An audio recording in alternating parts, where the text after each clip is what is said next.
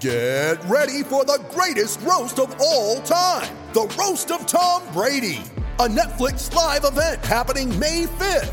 Hosted by Kevin Hart, the seven time world champion gets his cleats held to the fire by famous friends and frenemies on an unforgettable night where everything is fair game.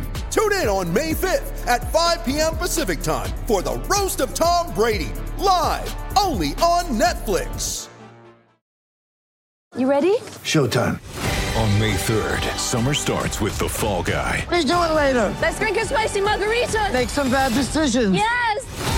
Audiences are falling in love with the most entertaining film of the year. Fall guy. Fall guy. Fall guy. That's what the poster said. See Ryan Gosling and Emily Blunt in the movie critics say exists to make you happy. Trying to make it out? Nope. Because I don't either. It's not what I'm into right now. What are you into? Talking. Yeah. The Fall Guy. Only in theaters May 3rd. Rated PG-13. De stroom. Begrijp je? Ja, het is eh, dinsdagochtend en ik sta in Spijkenisse. En dit is wel een hele bijzondere dinsdagochtend. Ik sta bij Benji, dat is een bedrijf op een industrieterrein ergens. Eh, en ze verkopen en onderhouden hier motoren voor hele grote schepen. Maar binnen gebeurt eigenlijk nog eens veel mooiers. Want het is de trainingsplek van de man waar het eigenlijk al drie afleveringen alleen maar over gaat. Om maar even een cliché aan te halen. De, de Haagse postbode die het dart in Nederland eigenhandig op de kaart heeft gezet. De vijfvoudig wereldkampioen Raymond van Barneveld. Nou, sinds vorig jaar bezig met een comeback. Nadat hij eventjes gestopt was met darten. En, en hier werkt hij dus aan die comeback. Dat doet hij samen met Jeffrey, de Black Cobra, de Zwaan. Dat is een van de meest talentvolle darters van Nederland. Pas 25 jaar oud. Vier keer het WK al gespeeld. En hij schrijft ook aan vandaag. Een beetje de, de pupil van Barney. Geweldig leuke gozer. Dus ik ben heel erg benieuwd wat de talent en de vedetten van elkaar leren. Ik heb voor Raymond heel veel vragen die ik hem altijd al heb willen stellen. En ja, ik kan, ik kan niet wachten op deze. Dat begrijpen jullie denk ik wel. Dus eh, ik ren naar binnen. 180. Hey, ik kan het niet begrijpen. Iedereen houdt toch van die pijlen. Biljarten, schaken, veel te traag. Snel op lange op en darten maar. Spelers, fans, commentatoren. Hij lijkt je trippel zo hard over darten horen. Een pijl door alle harten. Want iedereen houdt van darten. We gaan 180 linkerbaan. Trippel zo hard als toegestaan. We gaan 180 linkerbaan. Schuif daar maar een puntje aan.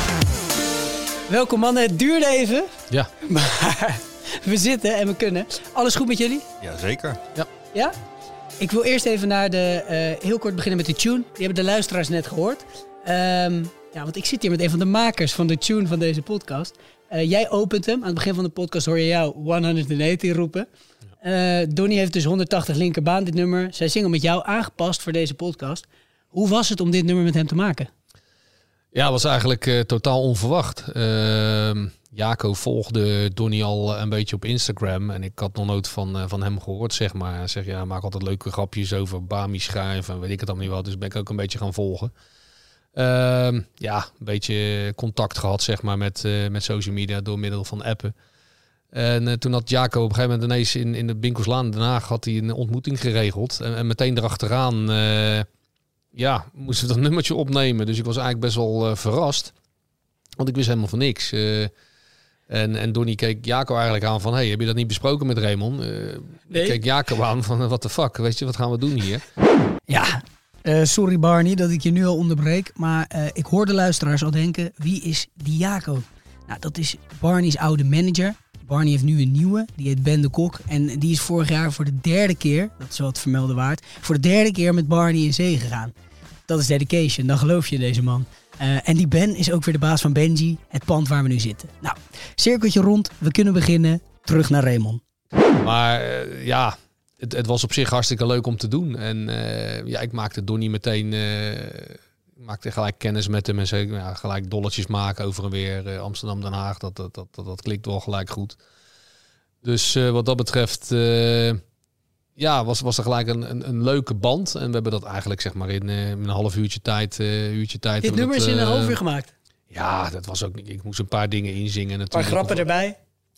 Ah, ik had natuurlijk een leuke gimmick dat ik zei van ja, ik, eh, ik, ik, ik kan met één pijl 220 gooien. Toen keek hij met verdwaasd aan natuurlijk. Ik, hij zegt, hoe dan? Hij zegt, 180 is toch het, meeste met drie pijlen? Ik zeg, maar ik gooi met één pijl eh, 220.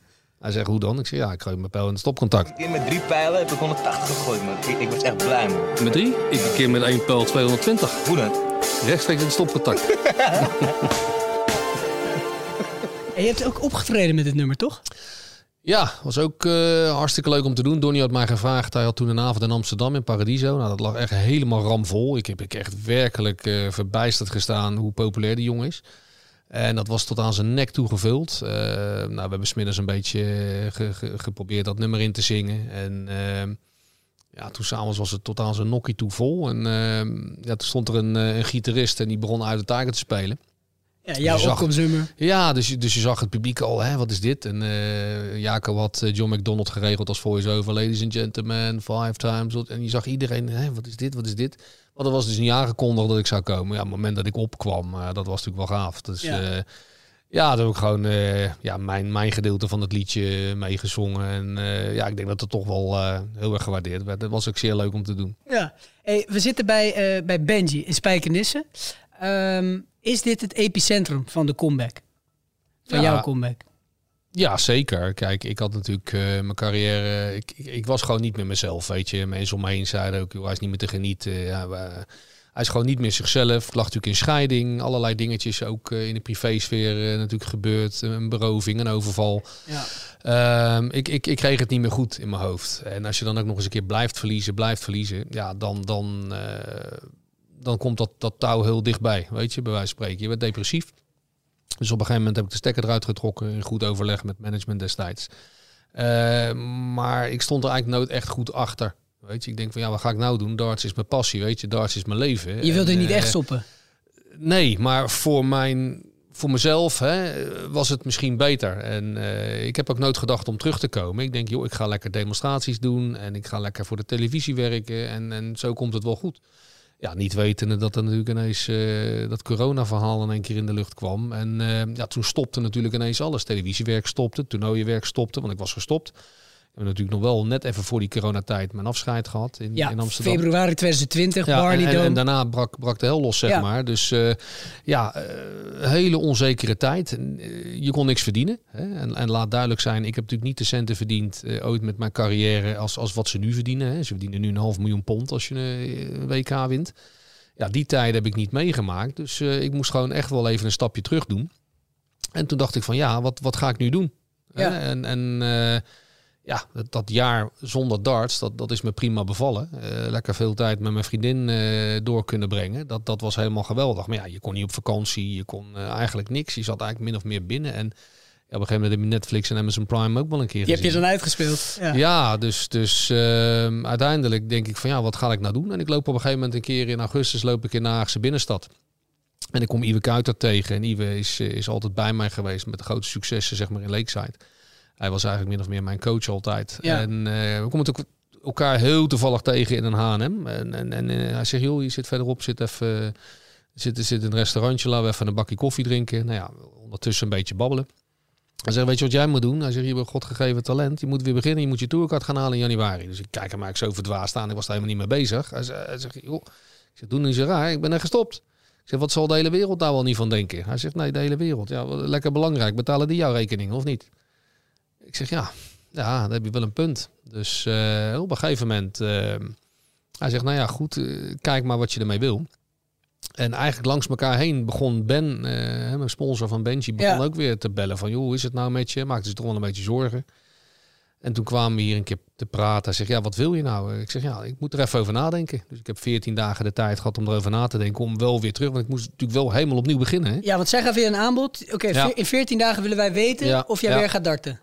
Ja, maar Ben zegt ook, eh, ik wil niet meer de oude Van Barneveld zien. Ik wil een Van Barneveld zien die, die gewoon herboren is. eh, van Barneveld 2.0. En, en niet meer dat klagen en dat zeiken en dat oude hoeren. Ja, eh, zo willen we te werk gaan. Jeffrey blijft, blijft de kopman. Ik moet met Ivan en Jeffrey gaan praten of hun jou ook wel in het team willen hebben. Want ik kan best wel een handenbindertje zijn natuurlijk. Hè? Maar, maar goed, ja, Jeffrey kan natuurlijk van mij ook het een en ander opsteken. Ja, dus ik ben zeer welkom ontvangen. En ja, ja we zijn eigenlijk alweer een jaar bezig, hè, Jeff? Dus, Klopt, Ja, want wat- tijd vliegt voorbij. Wat is jouw rol in die... eh, eh, want jullie trainen samen, jullie zijn samen een team. Mhm. Neem jij Raymond juist op sleeptouw? Neemt Raymond jou op sleeptouw? Nou ja, ik denk eigenlijk allebei een beetje. Kijk, eh, ik Ja. denk dat eh, Raymond ook weer wat dingen van mij kan leren, zeg maar, in, op het feit hoe dat nu daaraan toe gaat. Want Raymond is natuurlijk echt van de oude stempel. En eh, ja, ik heb ook een bepaalde visie op, op het dartspelletje. En ik denk dat we van allebei heel erg veel kunnen leren. En ik denk van Raymond dat het gewoon goed is geweest dat hij zeg maar uit die sleur is getrokken. Dat Ja. hij echt gewoon zeg maar eh, even een paar maanden eruit of een jaar eruit is geweest. Het uiteindelijk dan die de eh, beslissing genomen om weer terug te komen. Ja, precies. En ehm eh, Raymond, over de mensen die jij om je heen nodig hebt. Ik Ja. las in de Panorama ooit, dat is een, een, Ja. een, een tijdschrift wat ik graag lees, Ja. dat je dat uitlegt aan de hand van de Chinese astrologie. Iets met schapen? Nou, kijk, ja, kijk, uiteindelijk, kijk, ik ben, ik ben ram van sterrenbeeld. En dat verhaal heb ik wel eens uitgelegd. En, en als, je, als je kijkt naar, naar de Chinese astrologie, ben ik, ben ik schaap. Ja. En, en ik ben eens, eens gaan verdiepen in, in de kenmerken van een schaap. En als je dat gaat lezen, in, in, eh, dan, dan kom je wel heel veel dingen tegen eh, waar ik wel gelijkenissen mee, mee krijg. Weet je, ik laat me heel makkelijk hè, als een schaapje in de hoek zetten.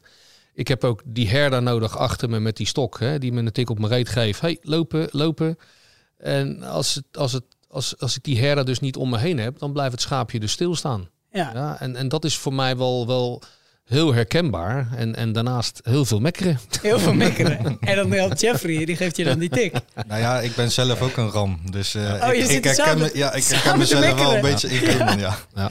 Hey, maar het is niet alleen eh pijlen gooien, toch? Want jullie samen, jullie zijn ook samen fitness aan het trainen, toch? Ja, Hoe klopt. ziet dat er dan uit? Nou, ik moet zeggen dat dit is door corona natuurlijk laatste jaar is er heel weinig van terechtgekomen. Ik, ik moet zeggen, ik ben nou niet echt een, eh, een, een, een sportman dat ik het nou leuk vind om een uur op een hardloopband te staan. En nee, ik vind het verschrikkelijk. Ik ga liever lekker naar, naar buiten, lekker buiten een stuk wandelen.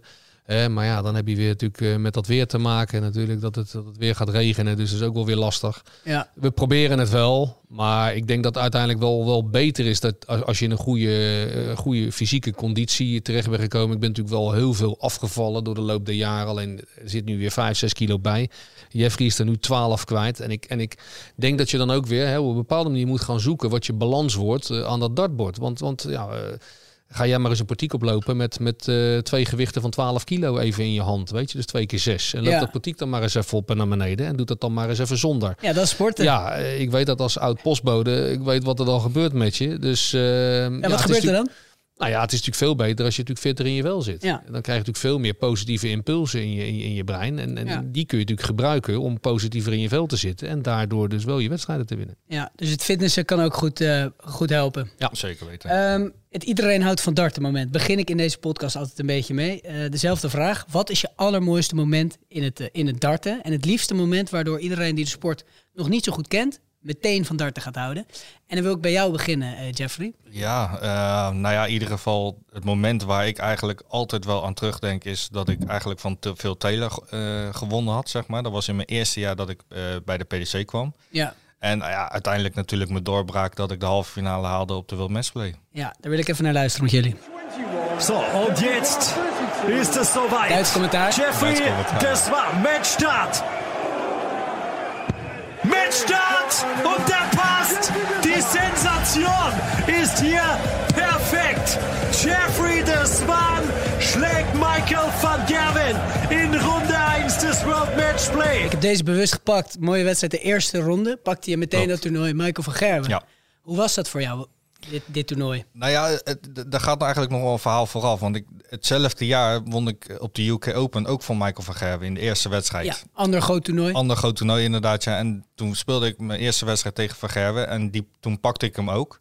Dus eigenlijk datzelfde jaar moest ik op de World Match Play opeens ook te- weer tegen Van Gerwen.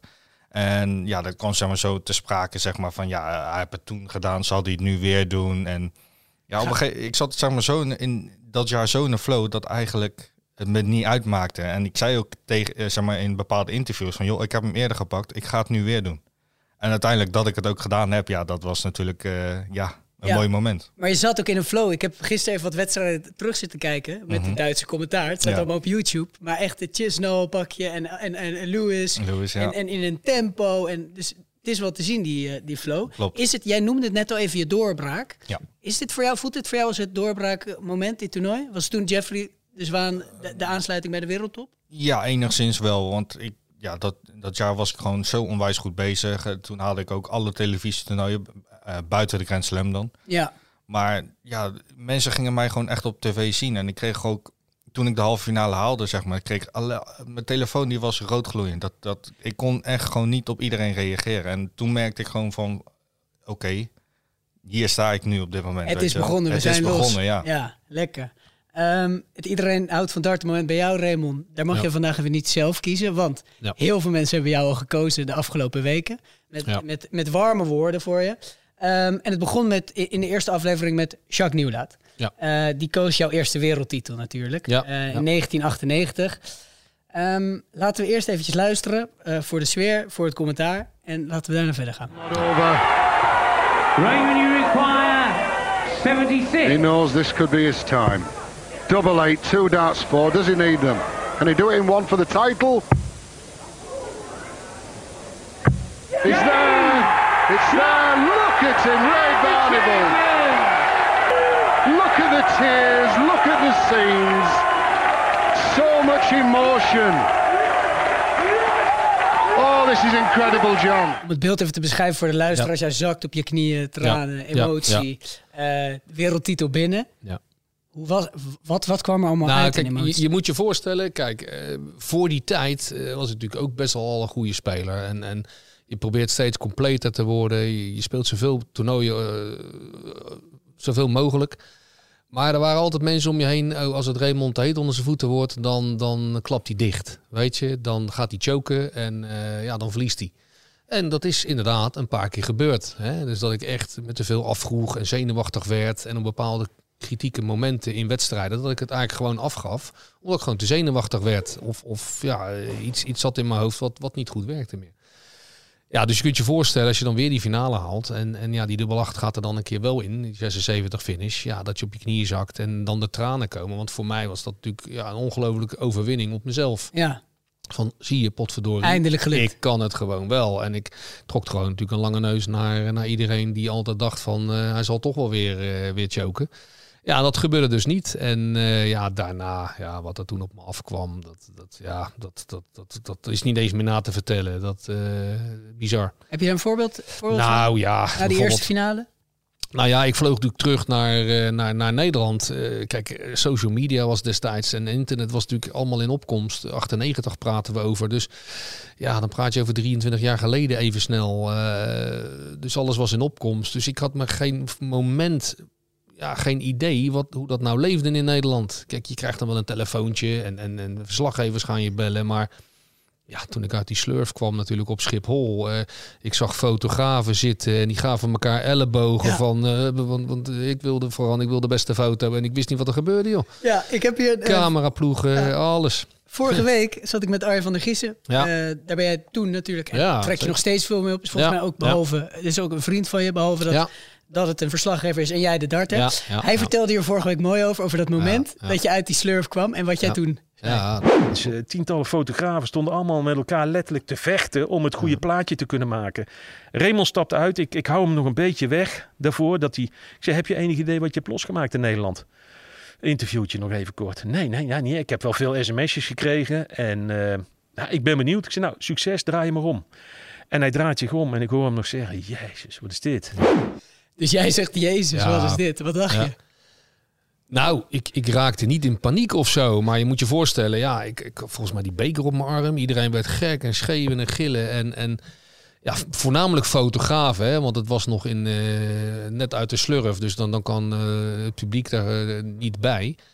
Volgens mij was het zelfs een jaar later, in 99, dat ik arriveerde. Ja, dit was Duizend- 99 ja. waar Arjen het over heeft. Een jaar later. Dit, dit, de duizenden mensen op het vliegveld. Eh, Ik, ik, ik omschrijf het wel eens. eh, je- kent die beelden wel uit de jaren 60, 70. Dat de Beatles eh, Ja, ja. in Nederland waren. Nou, een beetje dat soort tafereelen waren. Dat, dat, dat hele Schiphol, dat was, dat was helemaal vol met fans. En, en eh, spandoeken. En, dit. nou, ik, ik, ik kon me gewoon niet voorstellen dat dat zo geleefd had. Maar je moet je voorstellen, bijna 5 miljoen mensen hebben die finale gekeken. Ja. En dat is één op drie, hè. En soms zat ik wel eens op de, op de snelweg. En dan reed ik in mijn auto en dan eh, keek ik naast me. En dan zie ik natuurlijk al die autootjes eh, passeren. En dan denk ik, ik krijg de pest. Elk derde autootje kent mij. Ja. Want het is één op drie mensen hebben die finale gezien. En Dacht je dat toen voor het eerst? Dacht je dat? Ja, dat, dat is heel gek. Ik, ik, ik moest al s'avonds, ik had gewonnen, moest ik onder politiebescherming de grote weg op met, met Ad Schoos en, en, en, en zijn auto eh, richting, richting Hilversum. En dan gingen er gewoon eh, motoragenten en, en politieauto's voor en achter me, want ik moest eh, op tijd in de studio zijn. Dat, Je was een soort rockster. ja. nou, ik, ik, ja, je wist niet wat je meemaakte. Ja. En, en dat heeft echt heel erg lang geduurd. Eh, Ja. ja. Ja, want eh, om, om nog even in de gekkigheid te blijven, maar dan wel in 2016, eh, het Nederland of het darten, het grote darten, het dart op het hoogste niveau, de Premier League of Darts, die, Ja. die kwam voor het eerst naar Nederland, Ahoy Rotterdam. En ehm, daar zat ook een favoriete moment in van een van onze vorige gasten, Koert Westerman. En die beschreef jouw opkomst in Ahoy zo, op deze manier. Alle volwassen mannen, de grootste spierbundels stonden daar echt Te janken met z'n allen. Omdat dit zo mooi was. Ja. En eindelijk waren wij erbij. We waren erbij, weet je wat was van ons. Ja. En, en niet meer alleen van, van de Engelsen. En dit was het mooiste eerbetoon dat Raymond van Barneveld ooit in zijn leven had gehad en ooit zal hebben.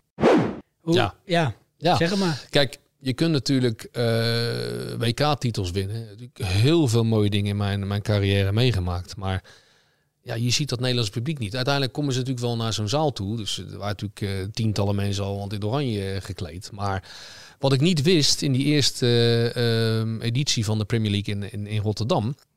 is dat RTL 7 had gevraagd... jongens, kom allemaal in het oranje.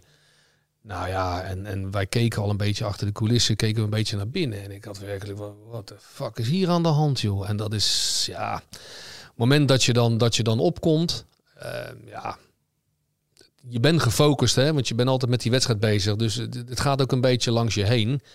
Maar als je het dan na de hand terugziet, kijk, het is natuurlijk leuker als je natuurlijk eh, de wedstrijd wint. Volgens mij speelde ik gelijk tegen Peter Wright die Mhm. avond, volgens ja. mij. Je speelde gelijk tegen Ja, ja, en Peter en, Wright was eh, ook helemaal van de kaart van hoe mooi het was. Ja, ja, ja. En, en, en daarna won ik eh, bijna elke editie. eh, tot de laatste dan, zeg maar. eh, Die ik dan van Michael en Daryl Gurney. Maar dat waren nog steeds eh, ongelofelijke avonden, joh. En als je dat dan terugziet, dan denk je, ja, dan heb je toch wel wat losgemaakt in Nederland. En ja, dan kun je titels winnen. Maar er is geen grotere eer te, behalen. Ook met mijn afscheid. Weet je dat toch duizenden mensen gewoon de tijd nemen voor je om kaartjes te kopen. Om je toch eh gedachten te zeggen en, Ja. en het respect te tonen. En ja, ik moet zeggen, in dat jaar dat ik zeg maar gestopt was, eh, heb ik al gerealiseerd wat ik heb neergezet. Ik, ik Toen je alles kon, rustig kon Ja, terugkijken. Ik, en, ik, ik ben me wel gaan beseffen dat ik een bevoorrecht leven mag leiden, ja, zeker. ja. Ging je, zat je toen alles terug te kijken? In, in, tussen? Ja, zeker. Dat was genoeg tijd. Ja, en dan ga je daar van, van ja, kijk, op een, als, je, als je actief bent, dan, dan wil je dat eigenlijk parkeren. Dan wil je het eigenlijk naast je neerzetten, want je wil er niet te veel over nadenken. Mhm. Want hoe meer je nadenkt in darts, eh, hoe, ja, hoe, hoe, hoe rotter het voor je bescherming is. En, en, en ja, je, wil, je wil dat gewoon eigenlijk niet blootgeven. Weet je, Nee. je wil eigenlijk altijd maar het liefst zo arrogant mogelijk overkomen. Dat je een maling hebt aan iedere tegenstander. Dat je ze er gewoon af gaat meppen. Dat is wat je eigenlijk wil. Maar ik, ik werd wat makker. Hè? Mak als een lammetje. Oh ja, Schaapie weer. de? Chinese astrologie weer. Eh, nog heel even om bij de Premier League te blijven. Want jij hebt er ook meegedaan. Klopt, ja, inderdaad. Hoe was ja. dat voor jou? Jij was toen Ja. 22. Klopt. Ja, het, het is niet te beschrijven. Is gewoon echt niet te beschrijven wat, wat daar door je heen ging. Want ik kwam, eh, ja, ik kwam zeg maar het podium op. En eigenlijk vanaf moment één dat ik op het podium sta, ja, ben ik, krijg ik gewoon kippenvel.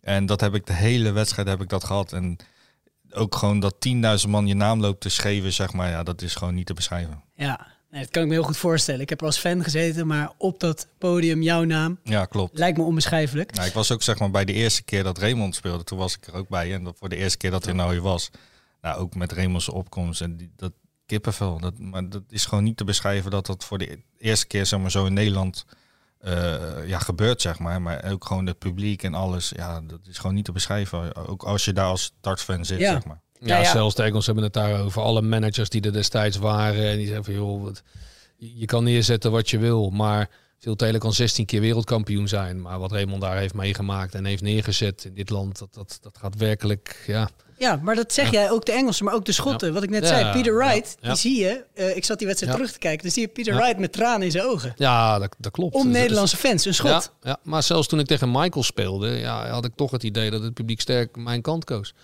En, en waarom, ja, dat weet ik niet. Maar misschien omdat ik in het oranje speel, ik had geen idee. Verbe- stukje verbinding. Maar eh, ja, eh, ik vond het wel een, een, een, een misselijke streek van, van de PDC om mij twee, drie keer tegen Michael te laten gooien in Nederland. Want dat bepaalde zij, Ja. het, het schema. En eh, dat vond ik eigenlijk not done. Het is eigenlijk hetzelfde als het Nederlands elftal tegen Nederland onder 21 in, in de arena laat spelen. Dat, dat, je kan geen kant kiezen eigenlijk. Dus dat vond ik heel, heel slecht. Maar ja, eh, je kan er weinig tegen doen. Je moest het eh, toch maar gewoon, gewoon spelen. Ja, ze wil, de PDC wilde een soort ultieme wedstrijd creëren. Terwijl het voor jou en Michael eigenlijk Ja. niet het beste was. Nee, kijk, en ik heb natuurlijk met die Engelse spelers ook er wel over zitten praten. Zeiden ze, ja, maar ja, dat zou niet eerlijk zijn tegenover ons. Hè? Want eh, of je naar Nederland-Schotland, dat, gaat, dat, dat, is, dat kun je niet maken tegenover ons. Ik zeg, joh, maar wat, wat, wat lullen jullie nou? Te veel thuisvoordeel ik zeg, eh, ik gooi al 13 jaar Premier League in Schotland Ja. en Engeland. En, eh, dus ga mij nog geen verhaaltjes vertellen. Ik speel altijd uit. Wat- dus de PDC was bang voor thuisvoordeel in Nederland. Ja, Eigenlijk iets ja. extra's om, eh, om trots op te zijn. Ehm, voordat we verder gaan met, met, met mooi terugblikken, wil ik ook eventjes naar jou, Jeffrey. Want we hadden het net al even over de opkomst van Raymond. Klopt. Ik vind jouw opkomst dus ook heel erg mooi. Want waar sommigen heel erg opzwepend zijn, is deze best wel relaxed. Ik zal hem even, even aangooien. The winner of two PDC ranking events, he is taking part in his third World Championship. The Black Cobra, Jeffrey Swan.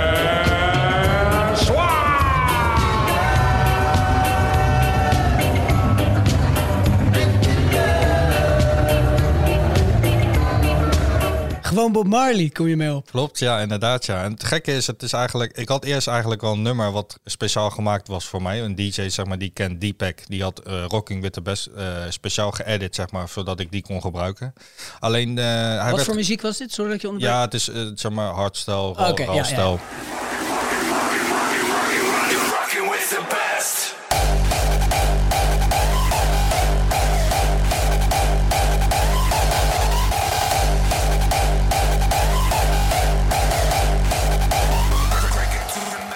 Het is vrij aan de, aan de rauwe, nou, rauwe kant. Dirk van Duivenbode. Ja, eh, ja. dat soort muziek inderdaad. Ja. Alleen eh heet dat de PDC die eh, accepteerde het niet, de Sky Sports accepteerde het niet. Dus ik moest sowieso wat anders zoeken. En ja, ik luister best wel eens Bob Marley ook in de auto, zeg maar. Dus ja, eigenlijk vond ik dit wel een ja, passend nummer. Vandaar dat ik eigenlijk dit nummer uitgekozen heb. Past dit bij je persoonlijkheid? Je komt bij mij op mij heel erg over als een relaxte, gast. Klopt, ja. Nou ja, ik ben ook heel erg relaxed van, van mezelf, zeg maar. Ik ben heel rustig. Ik, ja, ik ben niet zo'n zo'n prater, zeg maar. Maar ja, daarom zeg ik, het nummer past wel denk ik gewoon bij Ja. me. Ja. Want eh, eh, je bijnaam staat daar een beetje haaks op. Klopt. De, de Black Cobra. Ja. Klinkt een stuk gevaarlijker dan een nummer van Bob Marley. En dan Zwaan van Jacht en Ja, en, dan slaan, ja. Ja, we gaan nog meer dieren, gaan we zo over verder. Want volgens mij spelen dieren een belangrijke rol in je leven. Maar die Cobra, waar komt dat dan vandaan?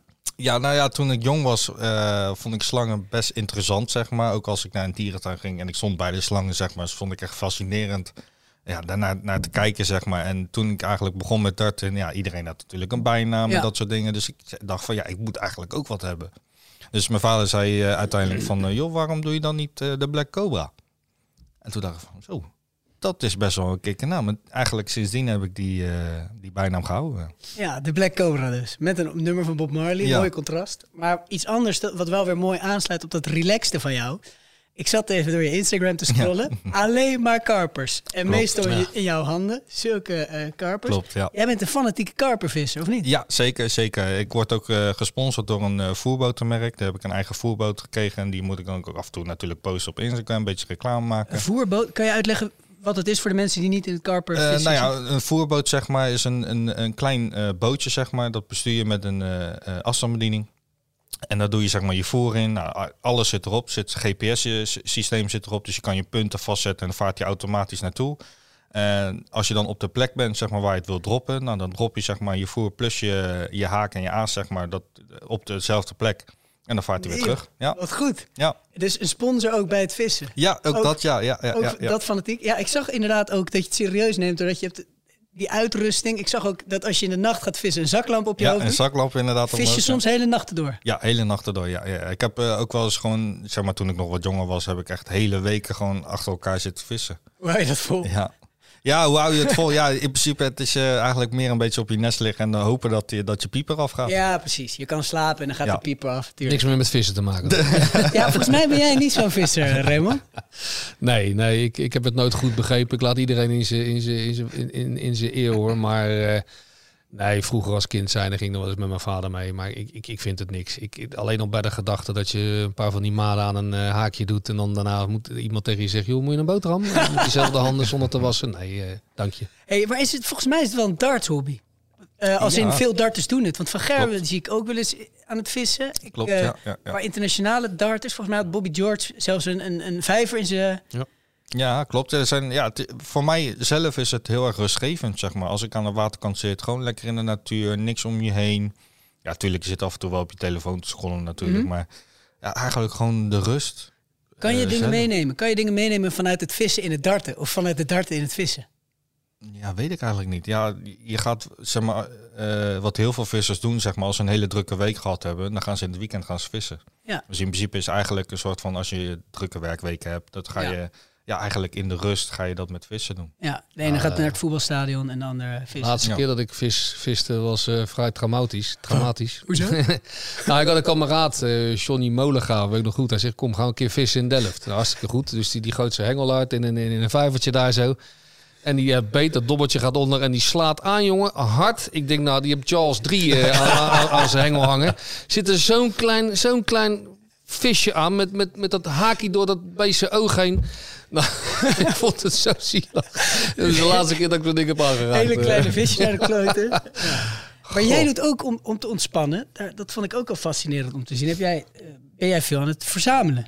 Want- Ja, nou kijk, qua ontspanning vind ik lezen, muziek luisteren wel. eh, maar ja, ik heb als, als kind zijn altijd wel een verzamelwoede gehad. En, en dat, dat, dat varieerde al van panini-plaatjes vroeger. Hè, ruil op school, ik ken het allemaal wel. En, en ja, ik, ik heb altijd wel wat met, met verzamelen gehad. Vond dat wel leuk. Eh, ook vanuit mijn dartcarrière, zeg maar, als we EK's of WK's speelden, dan kregen we badges of pins of flights of toestanden. Ik heb het allemaal in dozen bewaard. Ja, je houdt het in de doos. programmaboekjes, programmaboekjes, eh Hollands Darts magazines, Darts Worlds. Ik heb het allemaal nog, weet je. En nu ben ik het een beetje allemaal aan het opdoeken, want het, het vergt gewoon veel ruimte. Maar ja, eigenlijk overal waar ik kwam en mensen gaven me iets of ik vond het leuk om te verzamelen, ja, dat, dat, dat, dat zit gewoon in me. En ik vind het ook gewoon leuk. Maar, maar soms moet je jezelf wel een beetje dempen, want eh, wordt het wel eens te gek. Ja. Anders is er geen plek meer in je huis. Want ik zat er twee jaar Ja. geleden naar RTL Boulevard Ja. te kijken. En dan zie ik dat je allemaal actiefiguren hebt. Star Wars, Disney. Marvel. En allemaal nog in, in de doos ook. Ja, ja, ja, goed. Kijk, eh, maar, maar, maar dat is waar het een beetje om gaat. Dus met Lego precies hetzelfde. Eh, je begint iets te bouwen, dat je denkt van nou, dat is leuk. Dat is een leuk gebouw. En dan van één wordt twee, twee wordt vier.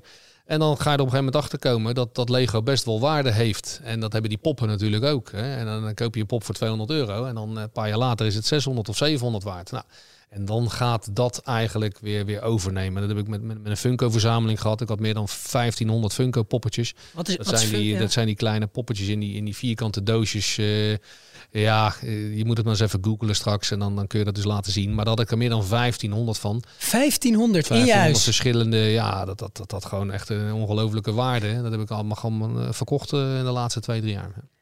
En eh, had je een, eh, eh, want jij zei- je praat over grote bedragen. Was er dan Ja. één pronkstuk, één Nou ja, je allergrootste, had- duurste? Je had dus bijvoorbeeld een poppetje met een speciaal stickertje erop vanuit een bepaalde Comic Con in, in, in San Diego. Dat is de, de Headless Ned Stark uit, uit de serie Game of. Thrones. Ja, die was in zijn topdagen 2400 dollar waard. Voor een pop? Ja, voor een poppetje. Zo. Maar omdat er maar een aantal van, van, eh, van gemaakt waren, zeg maar. Nou, die heb ik ook, ook eh, een paar jaar geleden verkocht.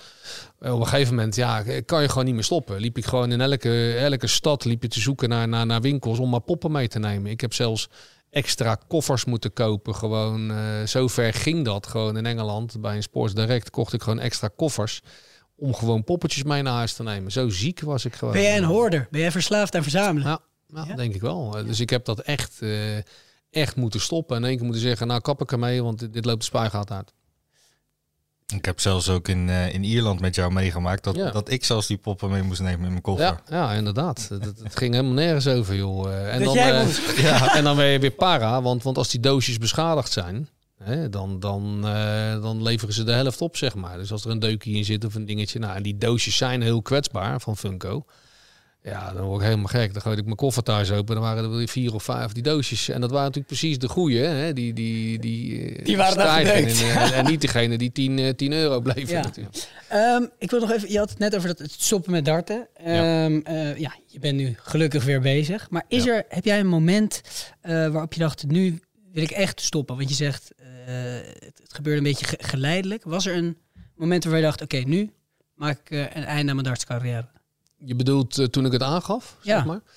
Was er een Nou ja, wedstrijd of een moment? Nee, nou kijk, je moet het natuurlijk zo zien. Kijk, en daar, daar kamp Jeffrey nu natuurlijk ook een beetje in. Kijk, op een gegeven moment sta je op een bepaald level. Ik heb eerste van de wereld gestaan, dan word je een keer derde, word je een keer vijfde, word je een keer achtste. Dan, dan blijf je in die top 16 hangen. Als jij natuurlijk buiten die top 32 valt, ja, dan speel je geen WK. Buiten de top 16 vallen, speel je dus eigenlijk geen televisietoernooi meer. Nou, we voelden de al een beetje hangen dat als ik een slecht WK zou spelen, eh, in 2019 volgens mij, of 18, dan, dan zou ik uit die top 32 vallen. Dus dan moest ik echt weer me helemaal gaan focussen op die Pro Tours. Wat dus eigenlijk mijn ding niet is. Want ja, het begint om 12 uur 's ochtends. Eh, Ja. ik, ben, ik piek beter eh, in de namiddag, weet je, of in de avond. Voor de mensen die dat niet kennen, dat zijn Ja. de alle andere kleinere toernooien die je dan om moet spelen. Ja, in, in, in een sportzaal, hè? Ja. 16 banen naast elkaar. En, en ja, dan heb je dan een tv-baan. Nou ja, goed. En, en iedereen wordt steeds gekker. Dat niveau dat wordt natuurlijk steeds beter en strakker. En, en ja, onvoorstelbare dingen zie je daar. Bijna elk weekend wel negen darters. Dus eh, ja, dus ik begon me ook af te vragen van ja, ja, ja, wil ik dit nog wel? Ik zat natuurlijk niet lekker meer in mijn vel. Eh, ik werd natuurlijk eigenlijk ook niet meer te genieten voor mensen om me heen. Dus ik denk, ja, voordat ik dadelijk iemand de trap af gaat gooien. Stoppen. Want dat, dat was onherroepelijk. Dat was, dat was een keer gebeurd, weet je. En, en ik moest mezelf ook een beetje daarvan... Ik ben al niet de beste in, in, in verliezen. Dus ik moest mezelf daarvoor ook wel een beetje in bescherming nemen. En ik heb gezegd van oké, we gaan het eh, aankondigen... eh, dat we nog een jaar doorgaan. Ja. En in dat jaar, ja, zien we wel. Weet je, kijk, en, en laten we voornamelijk afscheid nemen van mensen. Maar ik, ik, ja, ik voelde me gewoon verschrikkelijk. Nou, toen dat laatste Ik- jaar. Het, is net of dat ze je, je, je baby eh, afpikken. Je, ze pakken je spelletje eigenlijk af, waar ik mijn hele leven lang ja, voor bezig ben geweest. En doordat ik het natuurlijk aankondigde, kreeg ik natuurlijk steeds meer druk en steeds meer spanning van hey, het, het komt niet meer goed. Nou, dan plaats je je ook nog eens een keer niet voor de World Cup. Dan plaats je je niet voor de matchplay. Je plaats je niet voor de Grand Prix. Ja, dus die vallen er allemaal, eh, vallen die er allemaal uit. Ja, dat, dat heeft natuurlijk best wel eh, consequenties gehad in, in mijn hoofd. En eh, het werd eigenlijk alleen maar erger en erger en erger. Ja, daar, daar ben ik weer. Sorry dat ik er weer even tussendoor kom. Maar ja, het liep dus allemaal niet gesmeerd voor Raymond in het jaar van zijn afscheid. Hij baalde ervan dat hij die World Matchplay, de World Cup en de World Grand Prix miste. En ja, daarna vloog hij ook nog eens uit in de eerste ronde van zijn laatste WK. Ik snap wel dat hij een comeback maakt om, eh, om zich te revancheren nu. Eh, maar even over die drie toernooien die hij noemt. Want Barney noemt hier in één adem eigenlijk al mijn lievelingstoernooien naast het WK. Een klein stukje duiding daarom, voor als je zometeen na het WK eigenlijk nog niet genoeg hebt van darten. En dat is een beetje wat ik hoop. Mijn doel met deze podcast. Kijk dan ook gewoon even naar de World Matchplay. Dat is het zomer-WK. Dat is zo'n paar keer gevallen in deze podcast. Gewoon midden in juli met de allerbeste spelers ter wereld. En bijna altijd georganiseerd in het zonnige Blackpool. Dus je kan voor de wedstrijd gewoon op het strand liggen als darter. Maar kijk vooral ook eventjes naar de World Cup. Dat klinkt als het WK, maar dat is het niet. Eh, het WK, dat is de World Championship. En de World Cup is iets anders, maar wel heel bijzonder. Want daar speel je namelijk in duo's. Bijvoorbeeld Barney en Van Gerwen samen tegen de twee beste darters van Schotland. En dan om de beurt gooien. Dat is echt ziek genieten, heel spannend. Ga het zien. En tot slot, de World Grand Prix. Die moet je ook niet overslaan, want dat is het enige toernooi waar je ja, je leg met een dubbel moet beginnen. Gooi je die dubbel niet, dan mag je de leg niet beginnen en dan kan het heel lang duren voordat je punten begint te scoren. Dit zorgt voor fantastische wedstrijden. Nou, terug naar Raymond, Phil Taylor en onze doelen. En vooral terug naar het WK. Voordat we naar het, eh, het WK gaan, afsluiten met het aankomende WK, waar ik met jullie eh, over wil praten, wil ik nog heel eventjes naar een, een rivaliteit in het, eh, in het darten. Eh Phil Taylor, Raymond van Barneveld. Ja. Ehm, ja, want voor Nederlandse dartfans en misschien wel alle dartfans is dit misschien wel de grootste rivaliteit in het darten ooit. Beetje zoals eh, Nadal Federer in het tennis. Ja. Tegenwoordig zoals Max Verstappen Hamilton in de Formule 1. En hier kon je naar uitkijken, hard tegen hard. Had jij dat ook, Jeffrey? Want wij zijn een beetje van dezelfde generatie. Klopt, wij keken ja. ernaar. Ja, nou ja, ik ben eigenlijk met darten opgegroeid dat ik Raymond en Phil Taylor tegen elkaar zag spelen, weet je wel. En eigenlijk, ja, Raymond was eh, mijn idool, zeg maar, toen ik echt begon met, darten. Nou, later leer ik hem dan zelf kennen. Maar ja, je daar ben je mee opgegroeid. Dus in principe weet je gewoon, oh ja, eh, vroeger was het Raymond Phil.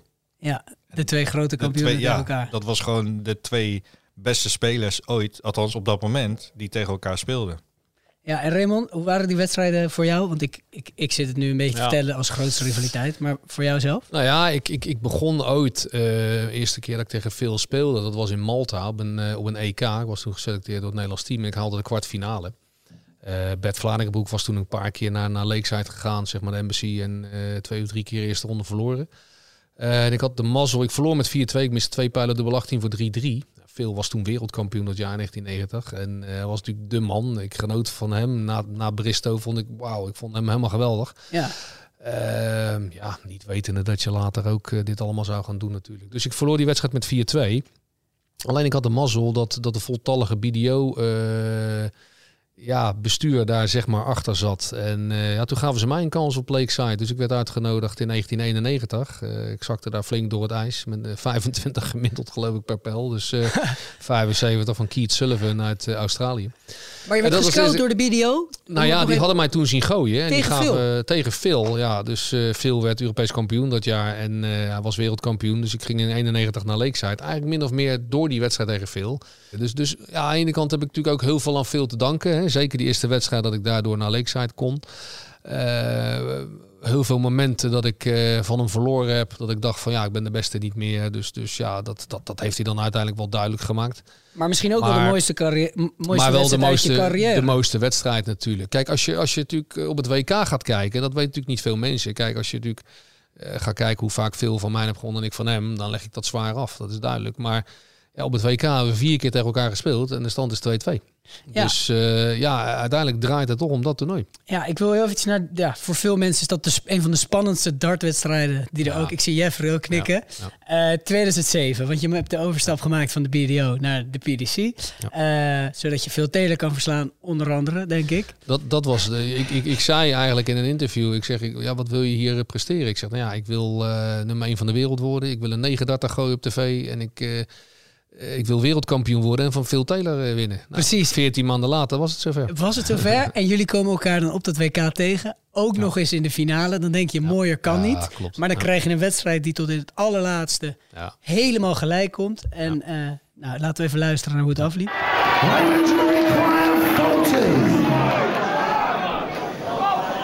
Tops he wants. gets it!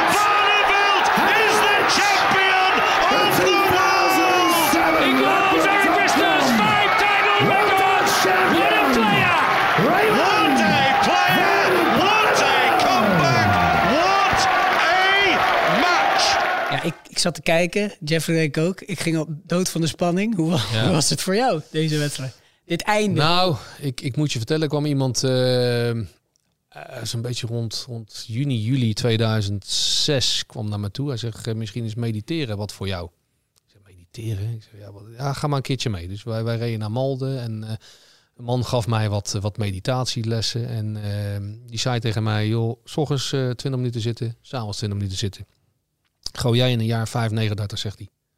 Maar zelfs zelfs 9, zei hij zelfs. Hij zegt, en je wordt wereldkampioen. Dus ik geloof natuurlijk helemaal geen klote van. Ik denk, wat, wat, wat, Wat is dit? nou?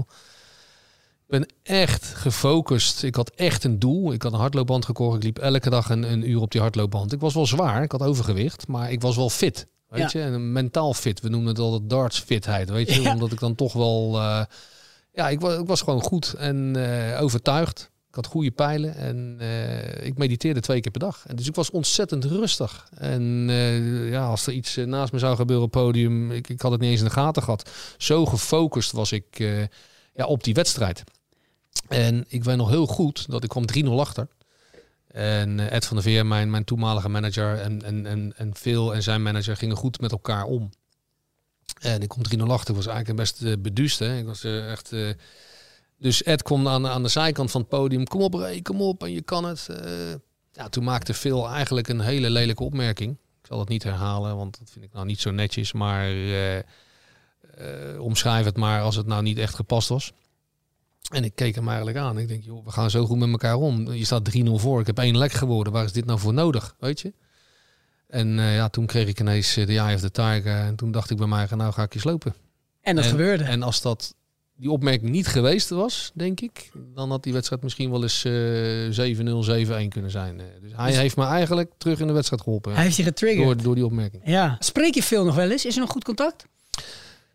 Ehm, heel af en toe is op de app. Ik, ik ben al niet zo'n zo'n eh, zo'n beller. Ik ben meer een apper, zeg maar. WhatsApp en zo. Dus eh, ja, als die jarig is in augustus, stuur ik hem altijd een appie. En eh, ja, hij deed het altijd wel bij mij. Zeker in mijn laatste jaar. Dus dat heb ik altijd wel gewaardeerd. Weet je, kom op hè, en pak ze en sloop ze, je kan het. Dus dat, dat zei hij altijd wel. Hij was natuurlijk al gestopt. Dus eh, ja, helaas eh, mocht dat niet baten. Helaas lukte dat niet. Maar eh, ja, er is, er is altijd een hele grote vorm van respect voor ons allebei. Ja. Alleen ja, kijk, je kan de allergrootste zijn in, in je sport. Hè? Je kan de meeste titels winnen. Maar ik ben me ook gaan realiseren, dat wil niet zeggen dat je de meest populaire man bent. Hè? Kijk, ik, eh, er zijn ongelooflijk veel, veel goede tennisspelers. Maar ik was altijd fan van Agassi. Weet je, en, en, en Agassi was misschien niet de allerbeste tennisser ter wereld. Maar ja, ik vond hem gewoon geweldig. Nou, dat heb je natuurlijk ook. Eh, Phil is de allerbeste, maar je hebt mensen ja, die vinden Michael de beste, of die vinden Gary de beste, of Van Barneveld de beste. En er zijn ook mensen die vinden, die vinden Jeffrey de beste. Ja. Want denk eraan, deze meneer kan het hoor. Ja, hij moet dat alleen zelf gaan beseffen. En dat weet hij ook wel. Maar uiteindelijk eh, heeft hij zo'n makkelijke gooi. En als dat koppertje dadelijk gewoon de juiste kant op gaat, en dat gaan we natuurlijk alles aan doen om, om, om zover te krijgen, ja, dan, dan staat er gewoon geen maat op. Dan, dan doet hij zelf de dingen als wat Michael doet, wat ik, wat Phil en wat Johnny Clayton op het moment doet. Dat, dat kan hij ook. Ja, want ik wil even kijken naar het WK, 15 december. Op het einde van de podcast voorspellen we ook altijd eventjes. eh, wie er misschien wel het WK gaat winnen. Eh, wie je outsider is voor de titel. Jeffrey, ik wil beginnen bij jou. Wie gaat hem winnen? Nou ja, laat ik zo zeggen, als ik me plaats, dan eh, ga ik er gewoon voor. Lekker. Dus eh, ik, Ja. ik noteer Jeffrey de Zwaan. Ja. Raymond? Nou ja, dat, dat, dat heeft hij goed opgepakt. Want ik heb altijd gezegd, ja, je moet altijd jezelf noemen. Hè? Dus dat, dat zou ik ook van mezelf zeggen. Alleen je moet ook wel realistisch zijn. Kijk, eh, als je na twee, eh, twee hele slechte WK's eh, eerste ronde eruit gaat... en je doet dan even een jaartje even niks... en je plaatst je dan weer... ja, dan moet je niet eh, hoog van de toren gaan blazen om te zeggen... ik ga hier even wereldkampioen worden. Eh, ja, dan krijg je natuurlijk het, het, hetzelfde rijtje van Gerben. Eh, de Sosa, een kanshebber. Johnny Clayton natuurlijk op het moment. En natuurlijk ook Gerben Price. Ik denk Peter Wright, die 4-5. Ja, die behoren natuurlijk zeker tot de kanshebbers. Maar, Als je er eentje zou moeten kiezen? Poeh, dan zou ik zeggen Peter Wright. Peter Wright. Ik zou. Clayton doen. Ja. Johnny Clayton. Denk ja, de man in vorm uit Wales. Ja. En een, een, een, eh, gevaarlijke outsider nog voor de titel? Ja, zat. Is dat dan Raymond van Barneveld? Ja, zeker, tuurlijk. Iedereen, iedereen weet eh, dat als het, als het goed loopt en het, en het werkt allemaal goed in, in mijn hoofd eh, en het valt goed, ja, dan, dan, dan kan ik iedereen eh, over heel de wereld verslaan. Dat heb ik ook gedaan tijdens een Pro Tour. Maar daar zie je ook hoe, hoe dicht alles bij elkaar zit. Weet je, tweede ronde krijgt Mervyn King één pijl om me eruit te gooien. En dan heb ik 500 pond verdiend. Ja. En die wedstrijd overleef ik. En ik kom in de finale en je pakt 10.000 pond. Ja, Ja. Dat, dat, dat is het verschil. Dus het moet ook op zo'n WK en waar je ook speelt, moet natuurlijk ook een beetje je kant op vallen. Je moet ook een beetje de mazzel hebben, zeg maar. En eh, ja, dat moet, dat moet eh, jouw kant op vallen. Wanneer ben je tevreden? Wanneer kan jij jezelf een, een schouderklopje Dat is- geven en is- zeggen... Dat is een moeilijke vraag, want ik ben niet zo snel tevreden met mezelf. Kijk, ik heb altijd gezegd, tweede worden is de first losers place. Dus laat staan als je het nog slechter doet dan dat. Maar ja, die instelling heeft me ook veel gebracht. En ik weet wel, ik ik ben misschien wel werelds eh, meest slechtste verliezer. Al heb ik daar nog wel eens met twijfels over, want ik ken er nog wel een paar hoor. Maar eh, ja, laten we eerlijk zijn, niemand vindt verliezen leuk. Nee. Ja, en, en haal maar eens een willekeurige voetballer voor, eh, voor de camera die net een WK-finale verloren hebt. Ja, eh, Moeilijk dan, verhaal. komt- dan komt er ook weinig zinnigs uit, toch? Alleen ik heb de naam en, en ik vind het prima hoor. Ik kan goed leven met mezelf, want ik heb een mooie staat van dienst.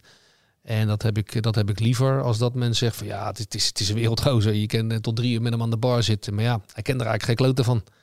Dus ik heb toch liever optie 1. Jeffrey? Wat was de vraag ook? ik zit naar hem te luisteren. Maakt niet uit, jij was lekker aan het wegdromen. Ja. De vraag is wie de outsider Oh voor de titel is. eh, maar je kan daarvoor ook Eh, Raymond of jezelf natuurlijk doen. Nou ja, kijk, wat Raymond ook zegt, iedereen kan van elkaar winnen. En het blijft het WK. Dus er, er zitten altijd wel bepaalde eh, verrassingen, zeg maar, die dat toernooi kunnen winnen. En ja, eigenlijk mijn, wel mijn outsider, wat ik net al zei, ja, Johnny Clayton. Want die vind Ja. ik op dit moment echt bizar goed. Duidelijk. Ik hoop eh, dat, je, dat je het gaat halen, Jeffrey. Eh, Ja, strijden de komende toernooien. Hopen het allemaal. En Ja. dat het goed komt. Veel succes. Dankjewel. Raymond, heel erg veel succes op het WK ook. Blij om je weer terug te zien op het, eh, op Ja. het hoogste podium. En Leuk. bedankt dat jullie eh, gezellig bij me aanschoven vandaag. Heel graag gedaan. En veel succes met je programma. Dankjewel. Ik kan het niet begrijpen.